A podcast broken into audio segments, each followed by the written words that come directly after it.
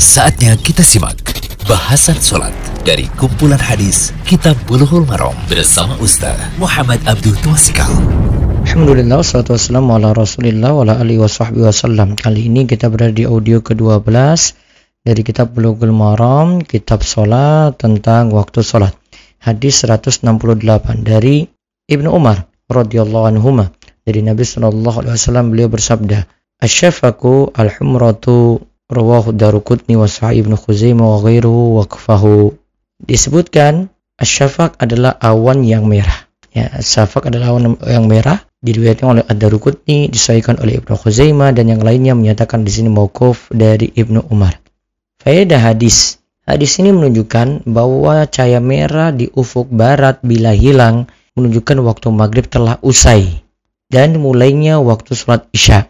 Cahaya merah di ufuk barat itu hilang berarti waktu maghrib selesai dan mulainya waktu sholat isya. Yang kedua, Syekh Muhammad bin Saleh Utsaimin menyatakan bahwa cahaya merah di ufuk barat muncul sekitar 70 sampai 75 menit sebagaimana disebutkan dalam Fathul Jalali wal Ikram.